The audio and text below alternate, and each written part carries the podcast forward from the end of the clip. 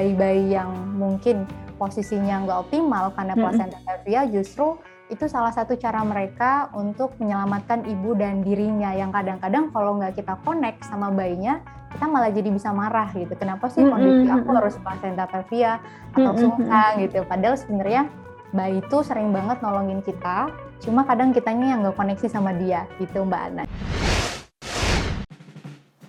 Assalamualaikum, apa kabar teman-teman Asa Channel? Aku akan mengundang salah satu uh, kerabat yang mungkin agak unik ya. Kok Mbak Analisa collab sama profesi ini sih? Biasanya kan sama psikolog atau sama beberapa expertise lain. Tapi kali ini aku pengen ngebahas tentang proses melahirkan dan proses hamil. Kenapa? Karena aku lihat sekitarku tuh banyak banget loh yang hamil, banyak banget juga yang melahirkan. Bahkan kemarin salah satu kerabat dekat yang gak nyangka di usia yang sudah di atas 40-an ternyata ini termasuk hamil pandemi. Jadi anaknya covid covid gitu ya.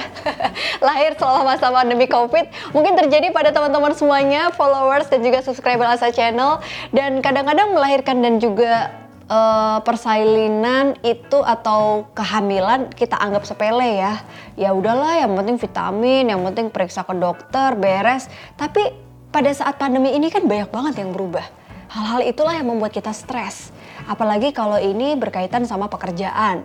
Belum lagi anak sekolah online, lagi hamil lagi. Terus yang aku sering banget dengerin cerita di ruangan konseling nih ya teman-teman. Pada saat melahirkan suami lagi di PHK pada saat uh, anak lahir ternyata kita juga mungkin kehilangan pekerjaan. Nah, akibatnya kondisi psikologis ini mempengaruhi kondisi kesehatan janin dan juga si ibu. Kenapa sih Mbak Analisa membahas ini? Karena kalau aku lihat banyak banget kondisi yang sekarang terjadi kita butuh nih yang namanya kualitas manusia yang lebih baik ya ngadepin pandemi ke depannya. Makanya butuh proses mulai yang diperhatikan apa nih dari kehamilan, masa kehamilan, bahkan di negara-negara maju tuh ya dari uh, New Zealand itu perdana menterinya keren banget loh. Dia tuh kasih vitamin buat ibu hamil. Jadi memikirkan SDM itu bukan hanya ketika sudah lahir, dari masa hamil. Nah apa sih kaitannya? Bukan bidang aku nih buat ngebahas itu. Karena sekarang sudah ada seorang bidan, bidan gaul, millennials yang sangat expert di bidangnya juga. Uh, mungkin Nanti teman-teman bisa cek-cek karena beliau adalah seorang founder dari Smilebird yang nantinya akan langsung kenalan deh. Dan sudah ada di Zoom bersama Bidan Mila. Hai Mbak Mila, apa kabar? Halo Mbak Ana, baik Alhamdulillah. Mbak Ana gimana kabarnya di sana? Alhamdulillah baik dan senang banget loh Mbak Mila kita akhirnya bisa ngobrol kolaborasi walaupun secara virtual nih. Betul, aku juga senang banget karena selama ini cuma bisa nontonin video Mbak Ana nih di YouTube. Sekarang malah Masya bisa ngobrol langsung. Iya nih Mbak Mila, aku juga senang. Karena tadi kayak yang aku bahas nih Mbak, bahwa pandemi ini tuh kan banyak banget yang kehamilan, kehamilan di luar rencana karena tadi mungkin banyak waktu di rumah sama pasangan. Terus akhirnya karena nggak bisa ke mana-mana loh, produktif sekali loh ya, produktivitas kita meningkat. Tapi masalahnya banyak menganggap sepele gitu. Um, ya udahlah hamil, tinggal hamil mereka nggak melahirkan padahal pandemi ini challenging loh buat kita semua stressful banget bener nggak sih Mbak Mila ada kaitannya ketika kita stres ada kaitannya sama kondisi janin dan juga si ibu itu sendiri pada saat persalinan Iya betul banget Mbak Ana. Aku setuju sih Mbak Ana kalau ngomongin soal hamil bersalin itu bukan sebuah proses biologi reproduksi gitu, tapi sebuah proses penciptaan manusia kan. Atau kita nyebutnya calon halifah, halifah tua mm -hmm. di bumi yang pastinya di dalam setiap rahim ibu tuh mereka punya visi misi di dunia gitu. Kenapa ada di rahim kita dan kenapa kita yang dipilih membawa calon halifah ini dunia sehingga kalau kita sadar bahwa hamil ini punya makna yang sangat dalam kayak tadi Mbak Ana bilang pencetus generasi ke depan gitu ya salah satunya iya, adalah kan? kita nih ya betul, betul para ibu para ayah yang nanti pertanggungjawaban di akhirat sehingga memang kalau mm-hmm. secara ideal sebenarnya kita nyiapin hamil ini sebaiknya malah sebelum kehamilan kira-kira 3-6 bulan sebelum kita merencanakan kehamilan itu sebenarnya penting banget persiapan prapotensi gitu supaya pada saat hamil kayak tadi kita tuh udah bisa acceptance kehamilannya lebih tahu makna tujuan kehamilan kita. Cuma kan kadang-kadang di masa sekarang kayak tiba-tiba ada yang surprise hamilnya gitu ya. Itu yang perlu kita sadari juga nih bahwa kalau kita berlarut-larut dengan kondisi tadi itu juga bisa memicu stres kepada janin kita. Kenapa? Karena si janin ini ternyata bukan cuma makan. Jadi kalau teman-teman lihat di sini ada ari-ari ya atau plasenta, ada tali. Itu nggak beneran kan? Iya betul, betul. Mirip ya, mirip. Uh, ini hmm. uh, pantom gitu ya dan dia ngasih nutrisi ke bayi kita bukan cuma apa yang kita makan tapi apa yang kita rasakan dari hmm. mungkin juga pasti uh, belajar lebih dalam bahkan mungkin ya soal hmm ketika ibu hamilnya stres pasti mm -hmm. memicu hormon di bagian otak kita memproduksi hormon-hormon stres kortisol. Iya, iya, betul. Kolamin, adrenalin yang bisa mudah gitu ngalir ke bayi kita dan sedihnya kalau misal kita berlarut-larut selama 9 bulan kayak gitu, janin tuh kayak ngerasa oh ini normalnya aku ya dalam mm -hmm kayak kondisi stres ini normal buat aku karena tiap hari aku dapat nutrisi kimia atau rantaian kimia dari otak kita tuh berhari-hari dapetnya seperti ini sehingga akhirnya ngaruh ke kesehatan emosinya si janin di mana kalau definisi WHO aja yang namanya sehat itu adalah sehat fisik mental, spiritual, dan juga sosial. Jadi kalau yeah. teman-teman bidan yang mungkin pada saat nolong bersalin tuh melihat secara fisikal doang sehat ya, sekarang kita kalau bisa lebih dalam lagi gitu menilai hmm. seorang sehat bukan hanya dari fisiknya tapi mental, spiritual dan sosial dan itu sebenarnya bisa banget kita upayakan dari hamil gitu Mbak Ana. Wow, dan itu sekarang pandemi ini sangat dipengaruhi oleh kesehatan finansial juga ya, karena banyak sekali hmm. ketidakpastian yang membuat akhirnya stres itu sumbernya macam-macam, tidak hanya dari kehamilan ataupun persalinan itu sendiri. Nah, ngomong-ngomong soal um, persiapan ketika sebelum persalinan nih, uh, bidan Mila gitu ya, pastinya kehamilan tuh penting banget. Boleh dong ceritain bidan Mila ini kegiatannya apa aja sih gitu? Dan kalau nggak salah uh, kita sempat ngobrol tadi sebelum acara, bidan Mila tuh juga bisa membantu para ibu hamil untuk yoga dan lain sebagainya. Ya. Sayangnya aku di Jogja nih, jadi waktu itu kita belum kenal, makanya aku yoganya nggak sama bidan Mila. Boleh ceritain nih bidan Mila? Ya betul Mbak. Nah, jadi kesibukan aku selama ini lebih banyak di bidang edukasi karena mm-hmm. uh, aku yakin mungkin beberapa ibu hamil juga agak sulit ya untuk mendapatkan edukasi pada saat hamil karena pada ya. saat kita periksa hamil tuh biasanya yang ditanyain obatnya udah habis belum? benar, uh, benar banget. Ada keluhan apa gitu ya?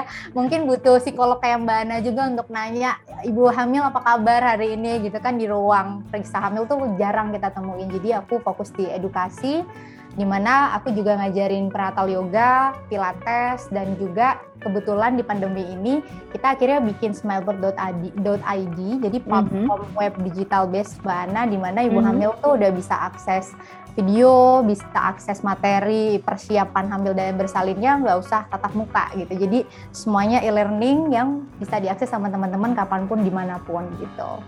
Oke, dan bidan Mila ini juga selain seorang bidan ya, tapi juga seorang ibu dari seorang putra yang sekarang berusia 2 tahun. Kalau bidan gitu ngelahirin cemas nggak sih Mbak? Aku pikir kayak udah tahu teorinya gitu ya, terus bisa rileks, atau ada cemasnya juga?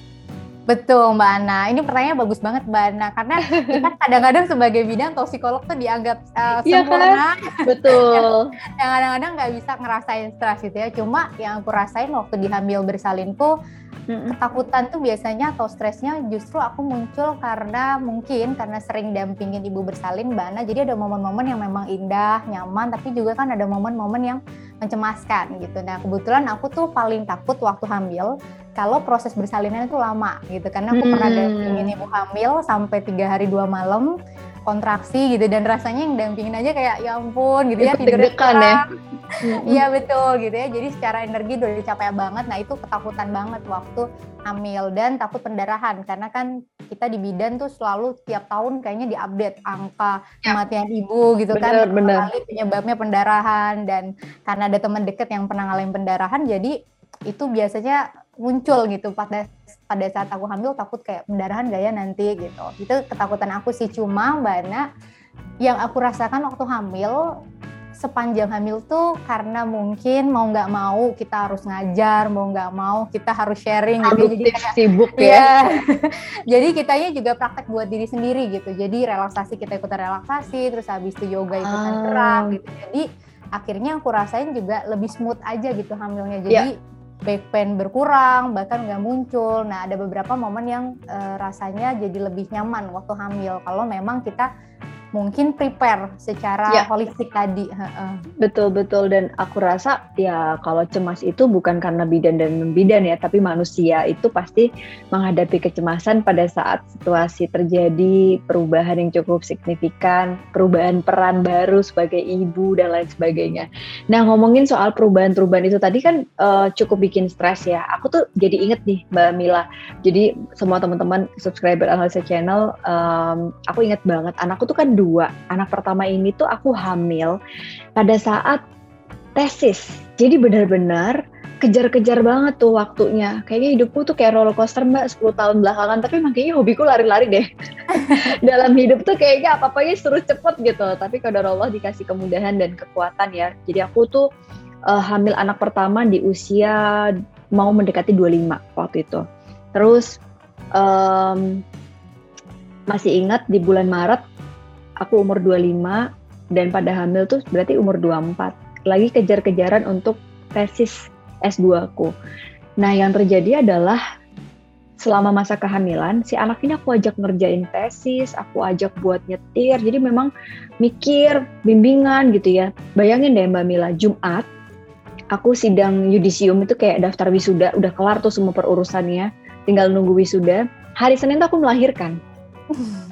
Terus wisudanya hari ada apa tuh Mbak Ana? wisudanya setelah anakku satu bulan. Jadi anakku aku ajak ke wisuda. Dan waktu itu kan alhamdulillah dapat penghargaan gitu kan. Anakku aku gendong gitu. Dan pada saat dia lahir itu beneran personalitinya tuh beda sama adiknya gitu. Jadi kayak yang dia tuh lahir tuh gini loh mbak. Dia mengkerut gitu.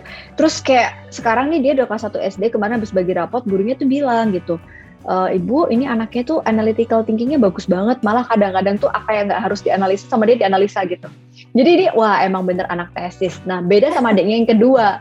Yang kedua ini aku hamil lagi eh, bikin APDC Indonesia. Jadi 2015 juga waktu itu. Jadi benar-benar kayak bikin kantor survival mood-nya tuh muncul gitu. Dan sekarang kelihatan si anak yang kedua ini kan di perut udah aku ajak training dan lain sebagainya. Dia tuh satu cerewet banget, yang kedua eh, anaknya kompetitif. Jadi dia nggak bisa kalah Hmm. karena lagi survival mode itu itu kepeng- dipengaruhi oleh semua siklus dalam hidupku nggak sih Mbak Mila aku jadi kayak ngerasa bersalah juga adanya tapi nggak nggak nggak pasti dia yang terbaik ya silakan Mbak Mila Iya betul. Mungkin nanti Mbak Ana juga sharing dari ilmu psikologi ya. Cuma Hmm. yang aku pelajari dari beberapa kelas gitu ya, salah satunya di kelas hypnobirthing memang apa pun yang kita lakukan gitu, yang ucapkan itu sebenarnya bayinya juga udah bisa mendengar. Karena kan indera pendengaran udah aktif gitu ya. Terus Hmm. habis itu segala sikap dan tindakan kita tuh punya memori juga kepada janin. Kayak tadi Mbak Ana cerita beberapa anak-anaknya luar biasa banget ya. Cerdas dan survival tadi skillnya oke banget. Karena memang apa pun yang kita rasakan juga dirasain sama janinnya. Dan ini sebenarnya bukan cuma buat ibunya mbak Ana tapi ayahnya pun juga bisa gitu. Iya karena oke. Mana bapaknya tuh karena sahamnya? tuh 50-50 Hmm. gitu kan. Gak ada saham yang lebih besar karena sel telur sperma sehingga sebenarnya eh, teman-teman di sini untuk ngelola yang namanya stres tadi juga bukan cuma untuk ibu tapi ayahnya juga. Karena ayahnya juga punya saham di sana. Ada gen ada Hmm. kromosom ada sel telur. Sehingga dengan kita berupaya berdua gitu ya sebenarnya itu dirasain sama janinnya. Minimal kalau misalnya ayahnya di sini bingung caranya gimana ya Mbak Mila? Sesimpel kita ajak ngobrol janinnya gitu ya. Itu sangat Hmm. berimpact banget sebenarnya secara psikologis kepada bayinya gitu Iya, iya, termasuk iya. komunikasikan apa pun yang kita rasain sehingga si janin juga bisa tahu oh ini emosi marah aku Mhm. boleh marah cara ngelolanya seperti ini gitu Iya iya, aku tuh emang nggak sempet sih mbak untuk ikut yoga rutin. Jadi waktu itu karena sambil tesis ya, jadi bisa dibayangkan gimana juggling waktunya sambil praktek juga, praktek profesi yang wajib dari kampus. Jadi emang hektik. Tapi eh, waktu itu dokter memang nyuruh ikut senam ya. Aku ikut si senam kehamilan. Terus tiba-tiba malah justru diminta berhenti karena pada saat itu anakku sungsang gitu, ada sungsang sempat em, apa sih ada satu gangguan dalam kehamilan seperti placenta previa. Nah waktu itu Ya. mungkin bisa dijelasin tuh bidan aku lupa placenta previa itu apa. Coba dikasih tahu itu aja sama dokter. Oke, jadi ini menarik sih Mbak Ana kalau aku ngomongin placenta previa dan letak bayi itu Mhm. buat aku eh, cukup eh, luar biasa ya menurut aku. Kenapa? Karena plasenta ini sebenarnya kan bisa nempel di mana pun. Jadi Mm -hmm. dia nempel di dinding rahim atas, kanan, kiri, bawah, atau depan belakang. Nah biasanya memang indikasi medis untuk melahirkan urgensi Mm. seksual adalah placenta previa gitu. Hmm. Jadi previa ini ada tiga eh, bagian sebenarnya totalis Mm. seluruhnya, sebagian atau cuma di ujung letak rendah.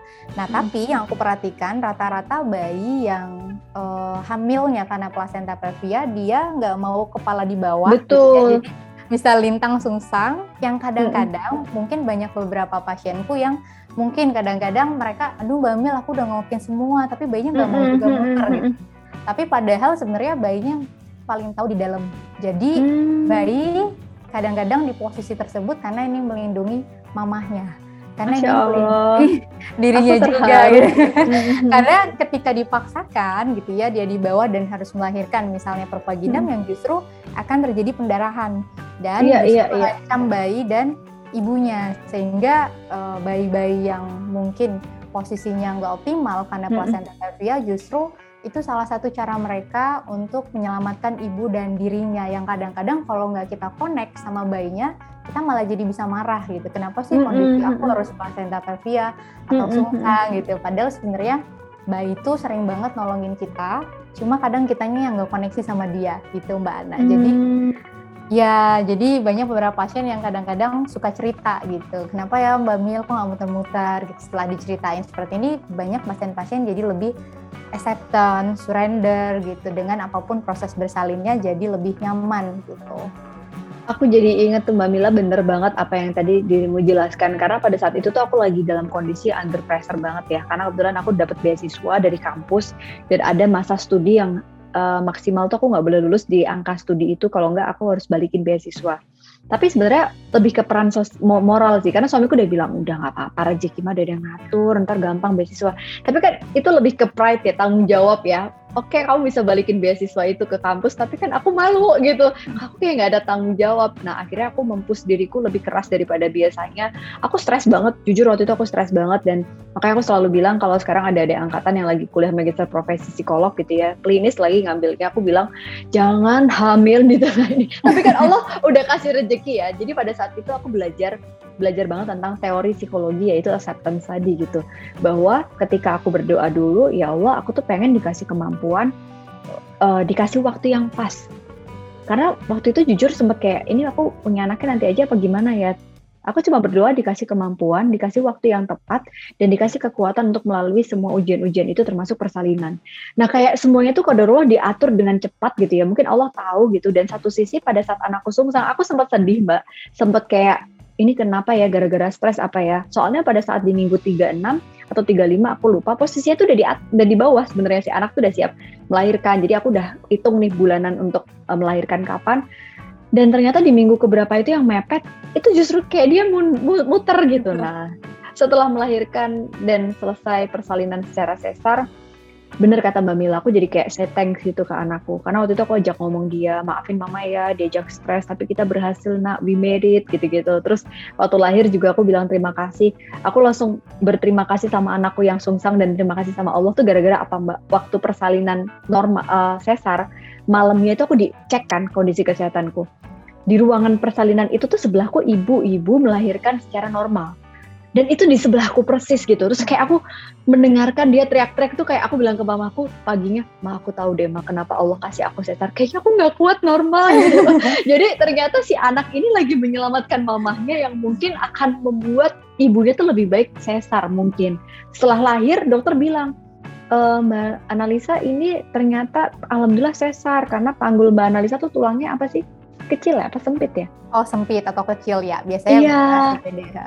Emang gitu ya Mbak Mila ya. Jadi kayak diselamatkan gitu ternyata. Itu koneksi-koneksi itu tuh dipengaruhi oleh gimana sih Mbak Mila caranya kayak karena waktu itu kayak aku emang ngajak ngomong gitu tapi aku pengen subscriber di rumah juga mungkin bisa mempraktekkan hypnobirthing yang bener tuh kayak apa karena jujur waktu itu aku cuma ya relaksasi biasa tapi kayaknya nggak relax-relax.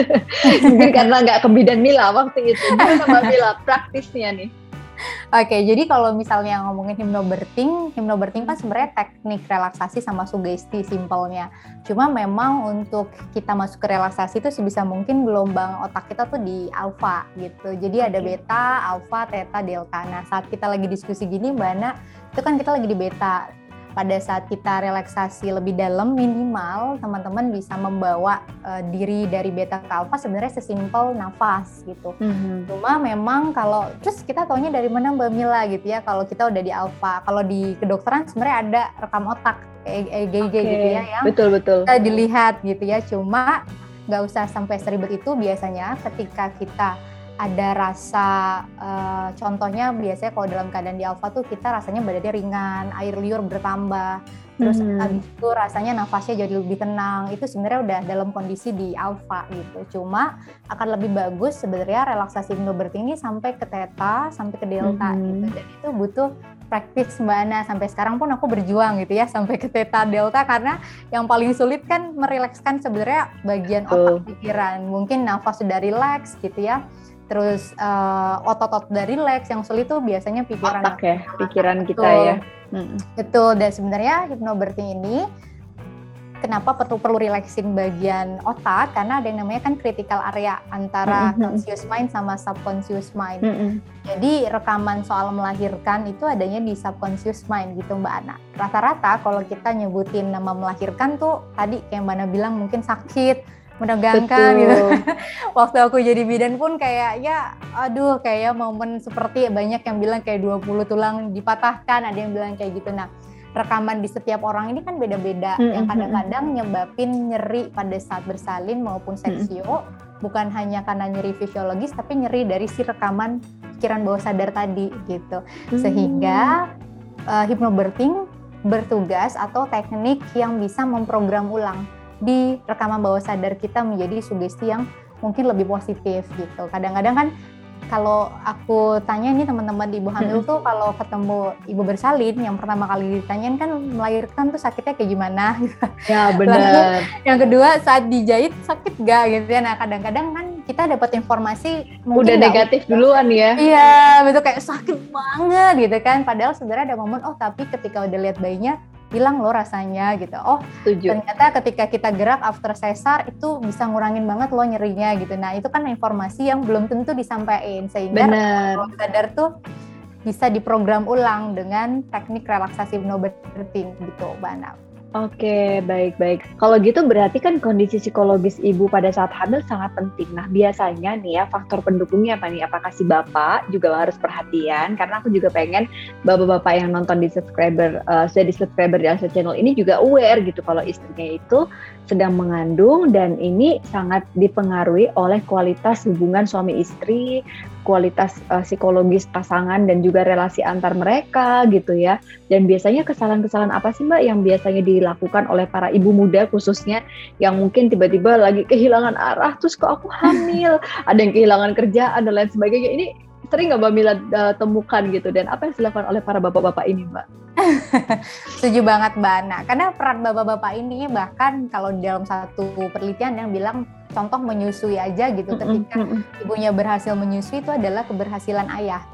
Dan ya. ketika ibunya misalnya gagal dalam menyusui itu juga suatu kegagalan ayah. Jadi kadang-kadang aku bilang ke bapak-bapak tuh jangan pernah mengecilkan peran bapak yang ternyata besar banget jadi kalau bapak-bapak yang nonton di sini kalau kita punya tugas gitu ya kita tuh bisa maksimalin uh, semua tugas kita kayaknya untuk bertanggung jawab ke atasan gitu ya ke klien hmm. tapi kita lupa bahwa hmm. janin kita ini tanggung jawabnya langsung kepada yang maha menciptakan gitu bahkan sampai di akhirat nanti yang ditanya itu bukan cuma ibu tapi ayahnya gitu ya jadi bapak-bapak nah, eh, amanah ini ternyata besar banget gitu yeah. jadi biasanya aku selalu nitip pesan juga ke ibu-ibu hamil yang sering uh, ikut kelas ajak ayahnya minimal masuk ke dalam kelas persiapan persiapan hmm. kehamilan, kelas persiapan bersalin itu udah banyak banget sebenarnya sekarang yang bisa diakses online, offline supaya minimal bapak-bapak tuh punya knowledge karena banyak bapak-bapak yang sebenarnya pengen bantu Mbak Ana tapi bingung hmm. harus bantu apa gitu. Jadi karena bingungnya itu pada saat kontraksi, pada saat ngerawat bayi mereka tuh bisa diem aja atau bahkan kabur gitu ya atau malah Hmm. bapaknya memang punya trauma pada saat Iya. eh, melahirkan mungkin akhirnya eh, nemenin ibunya juga deg-degan mau nggak mau nutupin emosinya dia udahlah kabur aja di ruang bersalin nah kadang-kadang ibu nggak mengerti eh, perasaan ayah juga yang akhirnya jadi malah ribut malah akhirnya jadi macam-macam gitu ya sehingga kalau dengan prepare semoga ayah juga jadi punya andil gitu karena tahu harus ngapain dan selanjutnya kasih kesempatan untuk ayahnya mau hands on atau mau berperan. Karena banyak ayah yang sebenarnya mau cuma kita sebagai ibu mungkin nggak ngasih kesempatan gitu. Minimal eh, biasanya yang paling sering tuh ketika misalnya mandiin bayi gitu kan abis lahiran terus kita kan capek kita bisa tidur sebenarnya. Tapi karena nggak ngasih kesempatan ke ayah karena ngelihat ayah pas mandiin bayi kok nggak sesuai ya sama cara aku. Akhirnya kan ketika ayahnya mandiin bayi banyak ibu-ibu tuh kayak aduh itu tuh kupingnya masih banyak sabun. Aduh itu salah segala macam. Akhirnya ayah Hmm. bilang ya udah kerjain sendiri deh gitu ya kayak serba salah gitu. Nah yang bisa kita lakukan sebenarnya kasih kesempatan dulu ayahnya untuk berperan supaya ayah juga pede dengan caranya kadang sesimpel masang popok terus akhirnya popoknya bocor kan ayah jadi bisa mikir oh iya ya kenapa bisa bocor? Oh ternyata popoknya miring. Dibandingkan ibunya misalnya merepet terus akhirnya ayahnya juga ya udahlah memang aku nggak mampu ngurus bayi gitu. Jadi dengan knowledge masuk ke dalam kelas persiapan dan juga dikasih kesempatan semoga ayah-ayah di sini tuh jadi bisa berperan aktif mbak Ana dari hamil bahkan Wow, ini para ayah ya, jadi dengan knowledge, terus persiapan tadi dan juga dilibatkan karena kalau nggak dilibatkan, nggak pernah dikasih kepercayaan, yang ada tuh juga ayah-ayah jadi bingung harus ngapain gitu ya Mbak Mila ya. Betul, betul banget. Karena sebenarnya uh, banyak juga ayah-ayah tuh pada saat bersalin juga nggak tahu Mbak Ana harus ngapain sih Mbak Mila waktu di ruang kelas. Ketika di kelas mereka jadi lebih oh ternyata ada ya teknik untuk ngurangi nyeri. Oh ternyata aku berguna ya untuk uh, bikin nyerinya berkurang gitu. Karena banyak teknik yang bisa dipakai juga di ruang bersalin supaya nyerinya berkurang dan itu bisa dilakukan Oh. sama ayah gitu. Oh gitu, gimana tuh? Ayah suruh ngapain tuh Mbak biasanya? Ambil nafas sayang, ayo aku transfer kamu uang ya, langsung nyerinya hilang. betul betul jadi sesimpel atur nafas tuh belum tentu bisa dilakukan ayah mbak Ana karena kalau misalnya Hmm. ayahnya panik akhirnya kan dia bisa ayo saya tarik nafas tapi mukanya mukanya panik gesturnya Tarik panik nafas gitu ya. Iya. Iya, Lalu iya, ada iya. juga teknik hidroterapi. Jadi hidroterapi ini berendam di air hangat. Kalau di luar negeri mungkin kita masih bisa waterbird. Cuma kalau di Indonesia Mhm. kan masih pro kontra. Mm-mm. Nah, tetapi sebenarnya teknik hidroterapi ini di berendam dalam air hangat ini sangat mengurangi sekali angka eh, nyeri pada saat kontraksi. Ada teknik-teknik juga rebozo, jadi pakai kain, terus abis itu pakai di atas panggul, terus digosok. Kalau zaman dulu mungkin dilakuin sama Mhm. dukun-dukun Mbak Ana kalau masih paraji. Mm-mm. Cuma sebenarnya eh, sayangnya paraji di Indonesia mungkin nggak bisa jelasin ini otot apa. Setelah aku belajar di luar, ternyata pembicaranya tuh bisa jelasin ini otot apa yang di situ. Terus aku mikir ini kan dilakuin juga sering sama paraji. dukun bayi ya. Betul, dan ternyata ini ngurangin banget nyeri bersalin dan bikin Oh. posisi bayinya bagus gitu. Jadi banyak teknik yang sebenarnya bisa dibantu agar nyeri saat bersalin tuh bisa dikelola gitu. Oke, baik Mbak Mila, ini keren banget. Eh, tadi menurut aku aku jadi belajar gitu ya, walaupun em, kayaknya kalau ditanya hamil lagi nggak ya, nanti deh wallahualam. Tapi kayaknya sekarang lagi pengen fokus untuk gedein dua anak yang mungkin jaraknya cuma setahun. Karena jujur, kalau tadi anak pertama tuh waktu tesis, anak kedua ini tuh tadi adalah kehamilan yang sebenarnya belum direncanakan, tapi Allah yang kasih rencana, ternyata rencana Allah yang paling baik ya Mbak. Jadi anakku cuma jarak 15 bulan bisa dibayangin waktu hamil anak pertama itu kayak gitu hamil anak kedua lebih ekstrim lagi. Anakku yang pertama enam bulan aku hamil mbak. Dan pada Oh, saat itu lagi aku tuh ya berarti Mbak lagi ya? nyusuin aku nangis loh mbak. Aku nangis itu adalah nih ya teman-teman psikolog juga manusia. Jadi aku waktu itu kecewa karena gini nih aduh aku tuh lagi nyusuin. Terus kayak aku tuh ngerasa belum bisa optimal ada rasa bersalah sebagai ibu muda yang baru pertama punya anak. Ini anakku kok udah punya adik aku satu aja pusing gitu kan. Dan pada saat itu aku baru mau mulai kerja. Nah pada saat mau mulai kerja bikin usaha gitu ya eh, berkarir lagi lah ibaratnya setelah enam bulan aku off benar-benar jadi ibu rumah tangga dan ngurusin anak di rumah full time di rumah. Di situ tuh kayak ada rasa takut gelisah dan lain sebagainya. Jadi pada saat aku nangis yang nangis kedua itu adalah menangisi kenapa aku mau punya anak? Kok malah sedih gitu. Jadi kayak ini kan anakku juga, ini aku punya suami loh, kenapa aku sedih? Aku sedih karena aku sedih. Nah akhirnya di situ, ya tadi mbak psikologi itu uh, teorinya gampang ya, prakteknya susah banget. Nah mungkin Allah kasih aku praktek untuk bisa accept. Yang kedua, acceptance yang kedua adalah ini aku dipercaya, jadi aku pasti punya kekuatan. Dan benar kata Mbak Mila, support suamiku tuh sangat besar gitu. Dia bisa kasih aku kekuatan. Nggak apa-apa, kamu kayak nggak punya suami sih nangis-nangis hamil anak kedua gitu kata dia. Aku kan di sini tanggung jawab gitu kan. Aku juga bantuin kamu ngurusin anak. Jadi aku yakin kok kamu tetap bisa bikin usaha, kamu tetap bisa ngurusin anak dan aku yakin anak kita insya Allah sehat. Nah pada saat itu aku jadi semangat mbak. Saking semangatnya tuh Mbak Mila, anakku umur 6 bulan apa 7 bulan, aku tetap kerja, terus aku terjadi pendarahan. Gitu.